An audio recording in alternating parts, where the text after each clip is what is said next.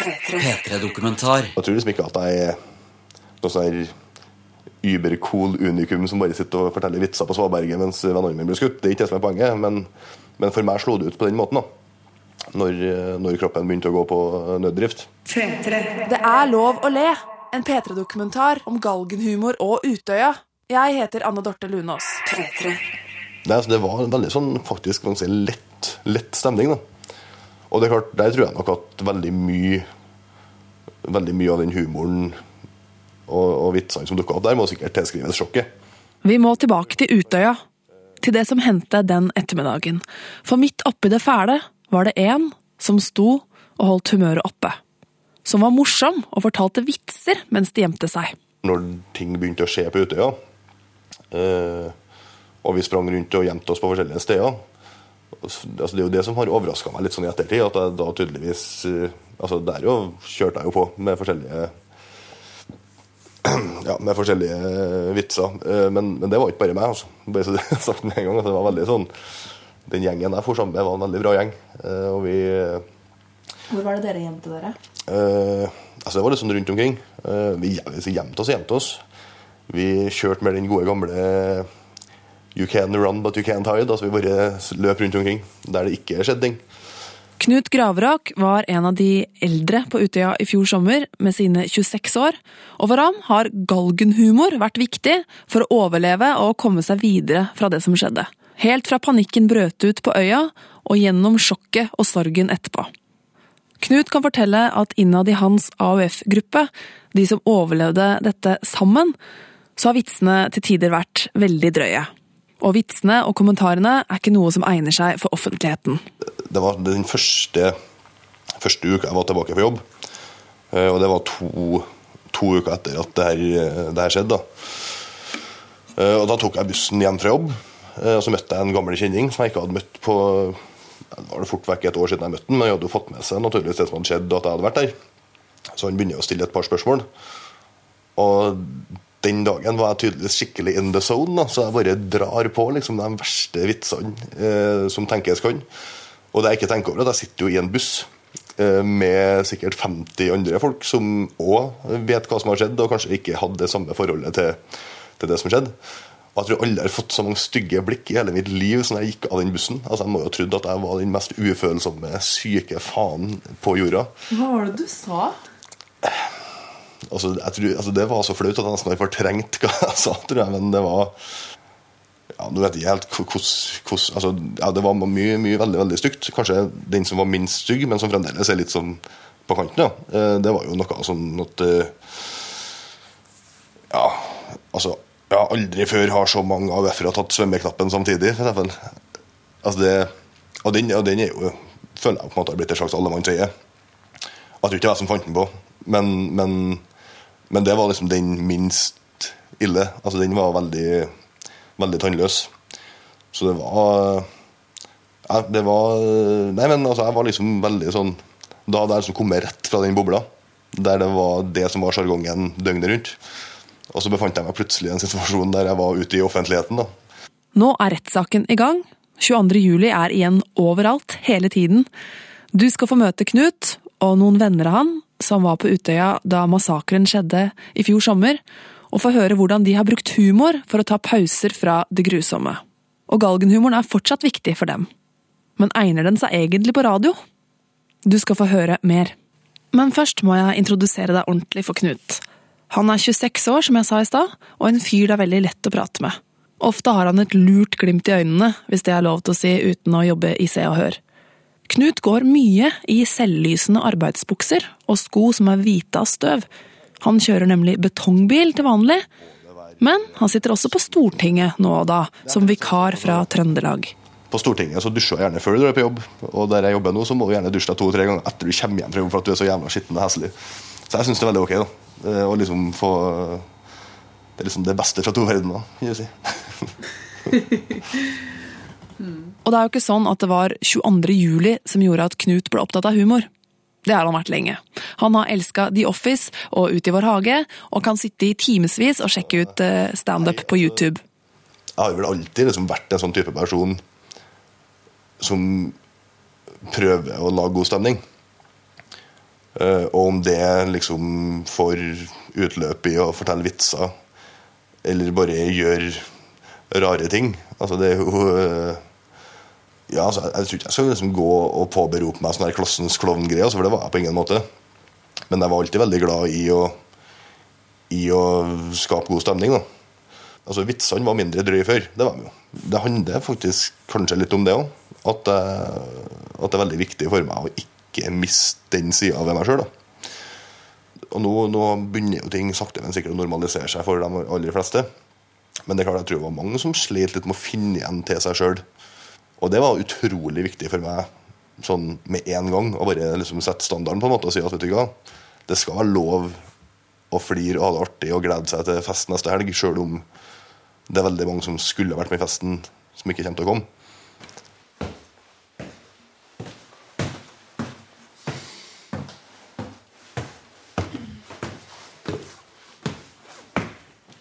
Første gang vi treffes, er hjemme hos ham i kollektivet på Møllenberg i Trondheim.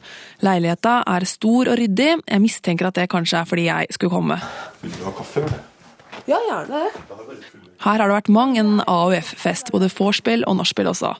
For vennskap og politikk går jo over i hverandre, selvfølgelig. Og en av de aller beste kompisene til Knut, Kristoffer, bodde også her i kollektivet. Kristoffer ble drept på Utøya. Vi bodde jo sammen her. Eh, nesten et par års tid. Og det er klart, eh, maken til rotkopp har jo aldri levd. Eh, sånn at det var veldig godt det å få lov til å bare flire litt av sånne type ting. Sjøl om man ikke lenger kunne si det til han. Men, men det, det, føltes veldig sånn naturlig og fint. da. Kristoffer er et tilbakevendende tema når jeg snakker med Knut. Jeg tror han er en sånn type person som du blir venn med, og som du deler så mye med, både den ene og andre veien, at du føler som om du har kjent den hele veien. Altså jeg tror han hadde en veldig sånn filosofi om at det ordner seg. Og det sa han vel for så vidt eh, i annenhver setning. Nesten. Men det ordner seg. Det ordner seg, det er ikke noe problem. Sånn at Hvis vi hadde planlagt å gjøre noe som du kanskje eh, måtte ta deg fri fra jobb, og du kanskje må ta litt penger i bakhånd, og han hadde muligens ingen av delene, så sa han likevel ja til å være med, fordi at det ordner seg. Og det gjorde det jo hver eneste gang. Så jeg tror jeg har lært veldig mye av det. da, Og blitt litt flinkere til å, til å faktisk være, ta ting på sparket og bare si at det ordner seg. For det gjør jo det. en lite stressa person, egentlig. Eh, det tror jeg du trygt kan si. Ja. Senere skal du få høre om begravelsesfesten vennene lagde til Kristoffers ære. Der ble det både ledd og grått. Masse, masse. Tilbake til galgenhumoren etter Utøya. Den arter seg på mange vis. Det kan være en alle barna-vits. Det kan være en apropos-sang på en fest. Galgenhumoren har også gått for langt noen ganger. Men, men altså, Det hender at jeg har gått altfor langt. Det var jo på et forspill vi hadde før en, eh, før en konsert. Eh, det var en Åge Aleksandersen-konsert, faktisk. Vi var veldig glad i han. Eh, og den konserten var ganske nært på det som skjedde på Utøya. og det er klart Folk var fremdeles veldig prega av det som skjedde. Og da ble det litt sånn trygt stemning. Og da gjorde jo jeg noe som jeg liksom ikke burde ha gjort. Eh, så da fant jeg at det var en kjempegod idé. Eh, å bare dundre på på det her forspillet med Turboneger med 'All My Friends Are Dead'. Eh, og syntes liksom det var rasende festlig. Og det var det meg som syntes det var festlig, og resten ble bare egentlig litt lei seg. Og ble ganske sur på, på meg. Så, hvordan sa de det til deg, at de, at de syntes at det var kjipt? Altså, Det var jo ikke nødvendigvis at folk sa det til meg, men det er klart når du sitter på et forspill der det i utgangspunktet er forholdsvis grei stemning etter forholdene, eh, og folk eh, bare begynner å grine, så innser du liksom at det her kanskje ikke var noe sånn spesielt eh, fint følende og lurt. Hva gjorde du da? Nei, altså hva skal man gjøre da? Altså, da, da setter man på for det første en annen sang. det var kanskje noe som er litt mer hyggelig. Og så Nei, altså jeg syns det var veldig greit å bare eh, legge meg flat og si unnskyld. Mm. Sånn, altså, det var uh, helt åpenbart ganske upassende. Mm. Eh, men så er jeg, som jeg har sagt før, altså, jeg tror det, altså, folk kjenner meg. Og de vet liksom at det er sånne sånn type ting som jeg kan finne på å gjøre uten å mene noe vondt med. For det er jo veldig stor, stor forskjell, bare det. Altså, jeg òg ville kanskje ha blitt dritforbanna hvis noen jeg hadde oppfatta som en person uten tilknytning til det som skjedde, og dem som, dem som omkom, hadde gjort den type ting, så hadde jeg syntes det vært forferdelig ugreit og helt på sida av alt. Men eh, jeg vet ikke, man føler seg veldig fri tror jeg, til å gjøre den type ting når du har vært i situasjonen sjøl. Nå skal vi møte noen flere av den harde kjernen til Knut. Mange av dem har vært innom kollektivet, både som gjester og beboere. Og i dag er det første rettsdag. Det er 16. april, og den viktigste rettssaken i Norge siden krigen har starta. Det er veldig spesiell stemning i hele Norge. Og nå er det lunsjpause. Knut og tre andre AUF-venner skal på Trondheims mest populære utested, Brukbar, for å spise. Eirik og Renate snakker om rettssaken mens vi går. De har ikke fortere enn jeg trodde. Ja. Det er lagt frem på en veldig veldig fin og ryddig måte. Ja. Eh, det blir liksom ikke altså Det som foregår inni der, er i hvert fall ikke et sirkus, selv om det er utenfor et eh, salig kaos. Og om at aktor Inga Eng drakk veldig mye vann. Vi skal to timer ekstra for jeg tror det var eh, snakk om litersvis. Inne på Brukbar bestilles det ordentlig lunsj. Så jeg tenker jeg kjører en, en biff-sandwich. Det hørtes eh, veldig, veldig bra ut. Kraftig dag. Før jeg blir presentert for eh, resten av gjengen. Men Vi var altså en gruppe før 22. juli, og vi har kjent hverandre godt i en lang stund. Det har vært mye lag eh, Får dere mat her? Vi har vært mye lag før den 22. juli. da. Det har vi grunn til å tro. Dere er rett og slett venner? Ja, vi er det. Foruten Renate Tårnes på 22 år, så sitter paret Emma på 17 og Eirik på 19 rundt bordet. Det er jo sånn at uh, de her to er jo kjærester. uh, men de er jo kjærester. Ikke meg. Uh, for du har ikke kjæreste lenger. Nei, jeg har ikke det. men jo. Ok, Renate har ingen kjæreste mer. Men hun vil ikke bli tatt i med silkehansker av vennene sine av den grunn. Jeg mista kjæresten min på Utøya, eh, og det er veldig mange som, som ikke tør på en måte å være litt sånn forelska rundt meg og være litt sånn Snakke om, eh, om, forholdet de har med kjæresten sin og sånn. Eh, eller hvis de driver og utvikler noe, så kan de liksom ikke si det til meg, for de er så redd for at måte, jeg skal ta det vondt. Uh, og det, blir, det, det, oppstår sånne kleine situasjoner, for jeg har ikke noe problem med det. Jeg syns bare det er fint. liksom. Det at jeg mista kjæresten min, skal jo ikke legge noe demper på det mine venninner har lyst til å fortelle til meg om det de opplever. Så da kan det hende at jeg liksom bare sånn Fordi det blir såpass kleint da, at jeg bare kommer ut med en uh, kommentar og så bare Jo, jo, men må fortelle jeg må jo leve gjennom dere hvis jeg mista kjæresten min, liksom. Og da blir det bare enda kleinere til tider, da. Uh, så det men noen ganger så går det også veldig bra. Det spørs jo veldig på den personen. Men eh, det litt, blir på en måte litt min eh, måte å, å, å, på en måte lette den stemninga på. Fordi eh, det er ikke bare dem som det er litt sånn kleint for, for det blir veldig ofte kleint for meg også. da, så Man vet liksom ikke hvordan man skal gripe an situasjonen. og Da er det på en måte ja, slå en liten vits, så kanskje man kan lette stemninga litt. Rett og slett. For Knut sin del så har galgenhumoren hatt to viktige funksjoner. Den første var allerede på Utøya. For å ikke bli lamma av panikk i den ekstremt farlige situasjonen, så var en lett tone livsviktig.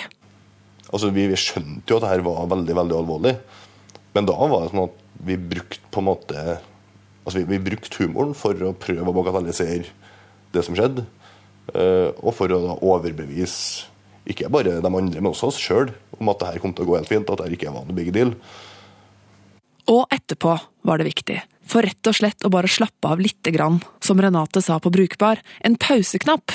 Og det kan være å le av noe litt rart som skjedde, eller til og med av noe veldig fælt. Og det er ikke sånn at det er greit å kødde med det for alle. Derfor får du ikke høre de drøyeste vitsene her i P3 Dokumentar. De skal helst ikke utenfor kretsen, eller utenfor bobla, som Knut kaller det. Det som jeg har snakka om veldig veldig mye, denne bobla, mm det, det er en sånn boble som jeg kanskje går litt sånn inn og ut av. Og i enkelte settinger så, så er jo jeg òg den her gravalvorlige fyren som, som, snakker med store ord og, og liksom ja, bare tenker på det, det, triste og det forferdelige. Fordi at det, liksom, det, er det som er det naturlige å gjøre. Uh, og så kanskje i en fem minutter etterpå så er jeg sammen med en annen gruppe folk. Og da sklir jeg rett tilbake i denne bobla der det er greit å spøke med alt, og alt er, liksom, alt er lov. Så det er liksom det å Og jeg håper hvert selv da, at jeg har blitt litt flinkere til å skille mellom hvor det er greit og ikke er greit. Tilbake på Brukbar sier Emma, AUF-er fra Levanger, at hun innimellom blir litt paff av galgenhumoren. Jeg er kanskje som er yngst. Jeg er jo den yngste her. Så jeg er jo jeg er 17. Du er bare 17 Ja. Så jeg merker stor forskjell på gruppa her og gruppa som er på min alder. Altså, der er jo liksom ikke noe kødding og veldig seriøst og snakke om følelser og snakker om hvordan det går. og og kan egentlig blande inn 22. juli og alt, da. Så det er ganske greit å komme til dem her, da, så kan ha litt mer lettere trykk. Men eh, du har kanskje sikkert merka jeg, jeg skjønner ikke akkurat den ja. Du som har kjæreste, den kanskje er litt sånn «Eh, Hva gjør jeg nå, Erik? Hva sier jeg nå? Men jeg bruker å påpeke alltid at det er greit, greit å fri, Ja, liksom. det er- Det er veldig greit. Det går an. Det går an å slå en vits tilbake. Hvorfor tror dere dere som er yngre, ikke har hatt den samme tonen? Jeg vet ikke, men altså, når du er yngre, så tror jeg altså, i hvert fall jenter har en sånn tendens til å snakke om ja, følelser. Alt sånt der mye mer enn kanskje Knut gjør. Snakker ikke Knut så mye om følelser? Nei, men sånn, så jeg tror kanskje det blir litt mer eh, Altså, vi er ikke såpass voksne, da. Kanskje. Nå må vi tilbake til panikken på Utøya. Til da Knut måtte legge på svøm. For også i disse timene skjedde det absurde ting som har blitt kommentert på en humoristisk måte i ettertid. Altså, Vi gjemte oss ganske nære det pumpehuset, som har vært omtalt en del i, i media. Så det, vi fant oss jo ganske like ved det når gjerningsmannen kom. Du så han der, altså? Eh, ja, altså, jeg så ikke den der, men altså, vi, altså, han, han, han gikk liksom Han gikk rett forbi der den gruppa mi gjemte seg. Uh, og heldigvis snudde han seg ikke og så oss, da. Men han gikk jo dessverre rett videre til pumpehuset, Uh, der han fant, fant andre folk.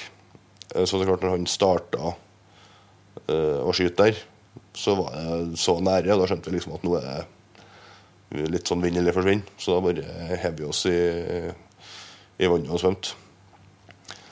Og det har jo blitt mobba veldig for i ettertid. Eh, fordi da, da vi skulle legge på svøm, da, så fant jo jeg ut at jeg skulle Altså det er veldig viktig å, å, å ikke ha på seg for mye klær når du, når du svømmer. Men enkelte mente at jeg dro inn litt langt, da. Fordi eh, jeg bestemte meg da for å liksom ikke bare ta av meg klærne, men liksom å brette dem fint sammen og legge dem på, på svaberget føltes som en veldig sånn naturlig, naturlig ting å gjøre. Men det eneste jeg spekulerte veldig på i ettertid, det var liksom at jeg, jeg tok av meg sokkene og bretta dem fint sammen, og så la jeg dem i lomma på shortsen før jeg begynte å svømme. Eh, og det var litt pussig. Eh, men jeg hadde, jeg, altså, og det her husker jeg nesten ikke på, altså, for det var liksom, sant, da var adrenalinet så, så høyt opp at du gikk fullstendig på autopilot. Men jeg liksom fikk spørsmålet når jeg kom på landsida igjen. da. For da, noe av det første jeg gjorde når jeg liksom kom opp av, opp av en båt, eh, omsider. Klatra opp av den båten og kom meg på, på kaia på Utvika camping. Så setter jeg meg liksom ned og tar på meg de der bløte sokkene igjen.